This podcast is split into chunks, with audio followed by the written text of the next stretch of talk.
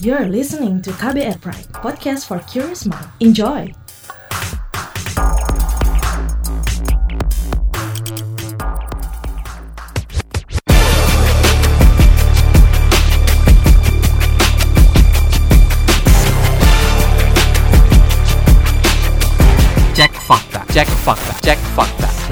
Dr. Tompi pesan 20.000 masker dan apakah tisu basah bisa jadi alternatif kelangkaan masker? Bagaimana penelusurannya? Kita akan kupas dalam Cek Fakta episode kali ini kembali bersama Ketua Komite Pemeriksa Fakta Masyarakat Anti Fitnah Indonesia Mafindo, Ari Bowo Sasmito. Saya Don Brady menghadirkan topik teratas periksa fakta Mafindo periode 29 Februari hingga 6 Maret 2020. Hasil periksa fakta dengan tingkat engagement paling tinggi dalam forum anti fitnah hasut dan hoax atau FAFHH serta Instagram. Podcast ini bisa Anda simak di kbrprime.id setiap Senin dan di aplikasi podcast lainnya.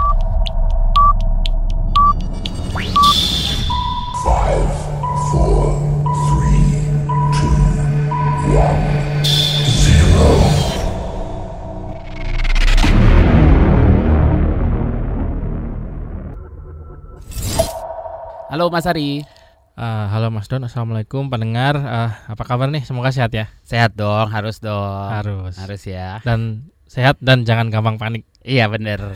Panik itu eh, apa Tidak namanya? membantu Mas. Tidak membantu, Tidak malah membantu. membuat malah ini ya, Makin parah. makin parah Iya. ya. Number 5. Di posisi kelima, tutorial cara memakai masker untuk antisipasi wabah virus corona.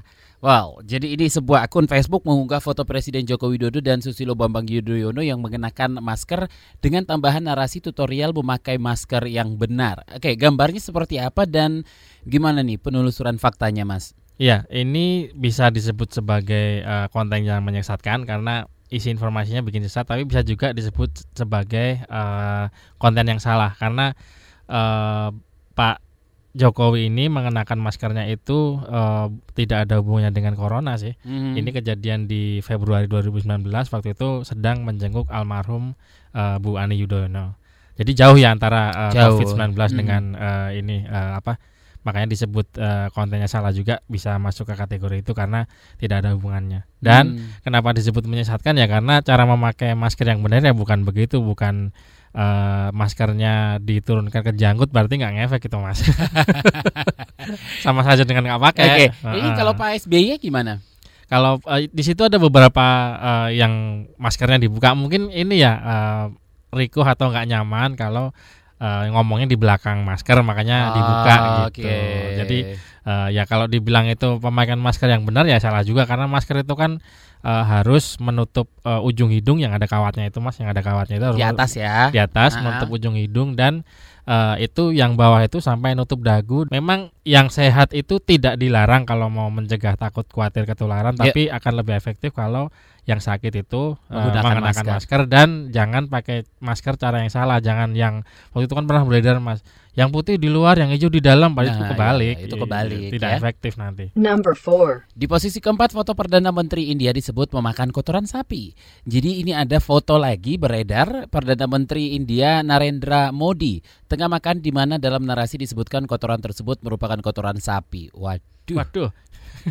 gimana nih fotonya Mas? Nah, kalau itu hasil dari manipulated content atau Hmm. konten yang dimanipulasi karena hasil suntingan, hasil editan. Jadi aslinya itu yang dimakan itu eh, makanan namanya semoga benar nyebutnya ya, liti chokha. Jadi makanan eh, khas itu makanan khas India itu di pas perayaan hari Hunar Hat gitu. Jadi eh, bukan kotoran sapi ya. Memang sapi itu eh, secara secara kultural di India dia- dianggap sebagai hewan yang suci. Suci ya. Gitu ya dan itu Tidak dikonsumsi juga di sana kan? tidak boleh itu Aha. salah satu sumber yang bikin uh, ribut gitu maka di sana ada umat Islam dan Hindu gitu jadi itu jadi salah satu bahan Ya. yang jadi konflik kok umat Islam menyembelih padahal dianggap suci tapi ya itu sebetulnya intinya adalah gambarnya disunting yang dimakan ya bukan kotoran lah Tapi ini kenapa ini bisa masuk chart nomor 4 lagi? ya ini berhubungan dengan kondisi uh, kondisi India yang baru-baru saja Ya. berhubungan dengan apa uh, undang-undang baru itu mas undang-undang ya.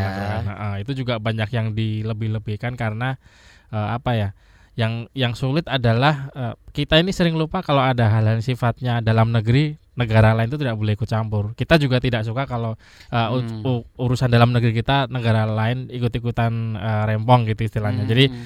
uh, di warganet sendiri ributnya dalam hal itu sih bahwa uh, negara lain kita harus ikut berusaha uh, entah itu mengecam atau apa itu sudah dilakukan tapi memang tetap ada batasnya kan negara berdaulat itu punya uh, itu berdaulat untuk mengatur isu-isu yang di dalam negeri betul. Aha. Heeh, heeh. kita juga nggak bisa eh, dicampur tangani sama luar Ya gitu kita juga Ah. marah nggak terima sih kalau dibegitukan. betul oke Number 3. Di posisi ketiga, Dr. Tompi juga pesan 20.000 masker. Jadi sebuah tangkapan layar yang menunjukkan isi percakapan di pesan berantai WhatsApp beredar.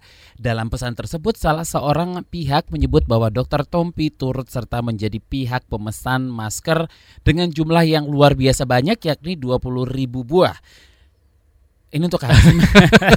Makanya Tompi juga heran Mas mau bikin rumah dari masker katanya. Hmm. Eh, enggak dia dia mengklarifikasi bahwa tidak memesan dengan jumlah sebanyak itu dan turut menghimbau juga ke pemerintah tolong dong yang suka nimbun suka bikin eh, kepanikan dan ini eh, Polri juga sudah menjalankan Mas karena ada beberapa kali kejadian ada yang pabrik penimbun ada yang gudang digunakan untuk menimbun ada juga yang yang ini agak parah sih masker palsu. Eh Hmm. sorry bukan masker palsu. Masker bekas masker bekas didaur ulang terus di di dirapiin talinya terus kelihatan biar lebih baru, baru. Heeh, padahal itu berbahaya kalau udah bekas di Oh iya ini. dong. Ya, Heeh, kita, nggak aja tahu. sekali pakai aja harusnya langsung Hmm, buang gitu iya, ya. membuang dengan cara cara yang salah aja bisa kena lagi mas jadi Betul. membuang itu harus dipegang talinya gitu nah ini Iya. eh, ada di satu daerah kemarin sudah digerebek dan eh, Polri cukup sigap itu kita harus apresiasi karena ini berhubungan dengan apa ya kondisinya panik gitu ada masker habis hand sanitizer Hmm, habis hmm. padahal akan lebih efektif itu kalau cuci tangan dengan sabun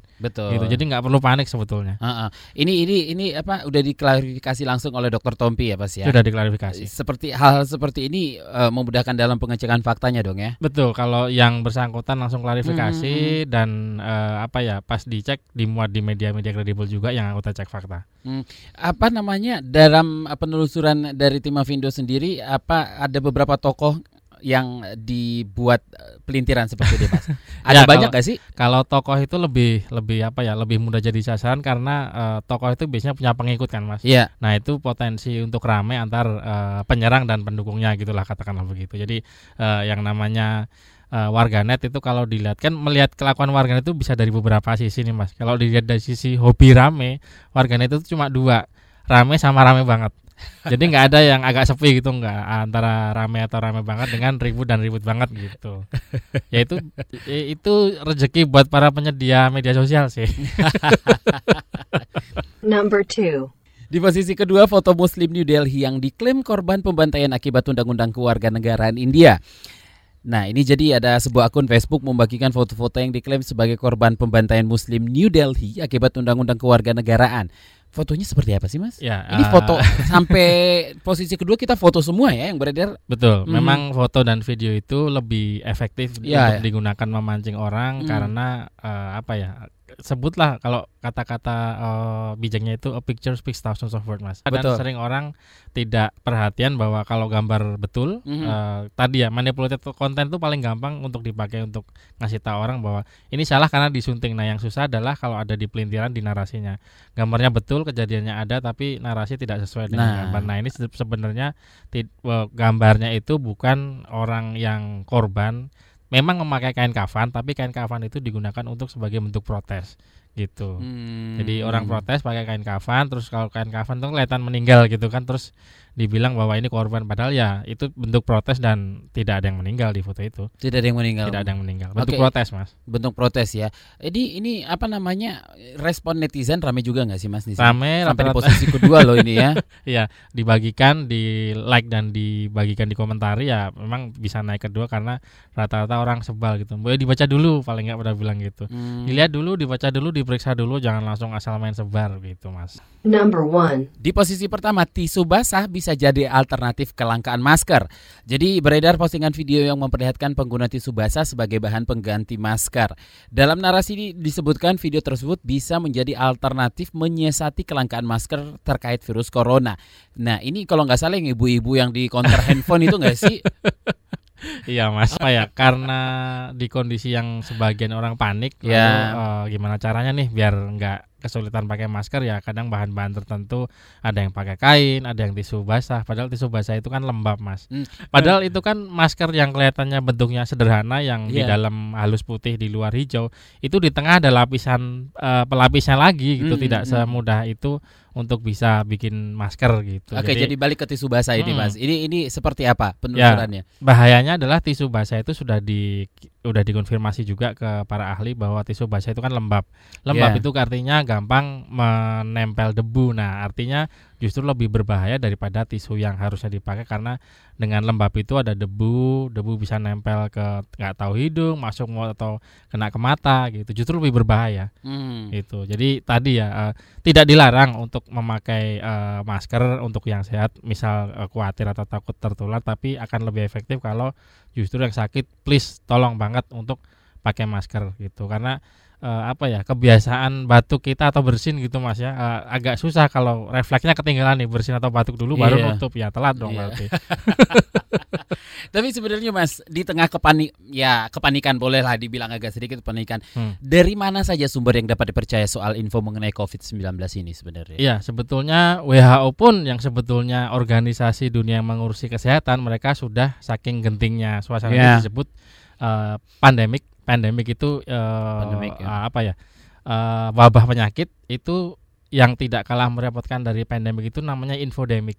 Menyebarnya hoax dengan skala yang masif, bikin banyak orang khawatir dan Hmm. si WHO ini sudah kerjasama dengan eh, penyedia media sosial ada Twitter, Facebook, Google, eh, bahkan YouTube ya. Sekarang kalau kita di YouTube videonya ada tulisannya Corona atau COVID-19 itu akan disediakan tautan ke WHO. WHO itu salah satu lembaga yang memang bisa dipegang karena mereka punya eh, ahli sumber daya yang eh, turut meneliti tentang eh, apa tentang eh, COVID-19 ini Mas gitu. Jadi Hmm. sumber-sumber informasinya kalau dulu banyak menyebar itu misal di Twitter itu ada tagar tertentu hashtag awal-awal ada COVID-19 ini kita klik tagar itu dan akan muncul dari akun-akun yang tidak kompeten, akun tidak jelas. Sekarang sudah oleh Twitter difilter itu akan tagar itu dibawa ke sumber-sumber yang kompeten. Ada WHO, UNICEF, ada eh, Kemenkes, Oke. ada Google juga turut melakukan hal yang sama. Bahkan kalau kita googling di browser ketik eh, COVID-19 atau corona gitu akan di situ ditawarkan tautan eh, buka tautan ini untuk eh, membaca sumber dari sumber yang eh, autoritatif yang valid bisa dipegang eh, keabsahannya gitu. Oke, jadi sekali lagi buat yang lagi dengerin cek fakta ini ya carilah sumber yang dapat dipercaya soal info mengenai COVID-19 ini juga ya. Iya betul. Jangan asal menerima eh, apa WhatsApp juga kerjasama nggak sih Mas? Eh, Kalau kalau sumberin ini juga sih WhatsApp grup keluarga ya mas, grup keluarga nih. yang kalau yang junior ngasih tahu malah sama seniornya dimarahin gitu. Betul. Ada yang dicoret data dari daftar warisan atau malah udah ditendang dari grup gitu ya. Iya. Kalau yang media sosial itu ada, ada beberapa tipe mas yang terbuka seperti eh, Facebook, eh, Twitter atau yang tertutup. Tertutup maksudnya terenkripsi. Jadi bahkan eh, WhatsApp atau misal Telegram juga gitu ya. WhatsApp, Ya. Telegram. Sekarang kan rata-rata instant messaging ini ada fitur enkripsinya. Nah, kalau terenkripsi itu artinya eh, bahkan si penyedia layanan eh, instant messagingnya tidak bisa membuka isinya. Datanya bisa diambil, tapi yang megang kunci datanya itu hanya si pemberi dan penerima. Misal saya message Mas Don nih gitu. Hmm. Yang pegang kunci cuma kita, Mas. Eh, data yang ditransmisikan bisa kalau mau diambil tapi tidak bisa di- dilihat isinya. Itu enkripsi. Oke, ya. Jadi agak eh, susah sih kalau Iya, mudah-mudahan hoax ini jangan lagi beredar. Ini bisa menambah kepanikan betul sebenarnya betul ya. dan mulai terasa efek ekonominya, Mas. Banget sih. Heeh, ya. Ada beberapa acara yang dibatalin juga. Iya, Aduh, ya betul, sudah Mas. ya. Sebelum jadi curhat ya, Mas. Sebelum Saya jadi juga curhat punya itu. curhat soal itu soalnya. Ada ya, nanti aja kita curhat ya Mas. Itulah tadi topik teratas periksa fakta Mafindo periode 29 Februari hingga 6 Maret 2020. Hasil periksa fakta dengan tingkat engagement paling tinggi dalam forum anti fitnah hasut dan hoax atau FA-FAH serta Instagram. Podcast ini bisa Anda simak di kbrprime.id setiap Senin dan di aplikasi podcast lainnya. Dan buat Anda yang ingin memberikan masukan, kami tunggu masukan Anda lewat podcast at kbrprime.id. Silakan Mas Ari. Selalu jangan lupa jaga emosi, tahan jari, verifikasi sebelum dibagi. Saya Ari, Assalamualaikum warahmatullahi wabarakatuh. Sampai jumpa di episode berikutnya. Cek fakta. Cek fakta.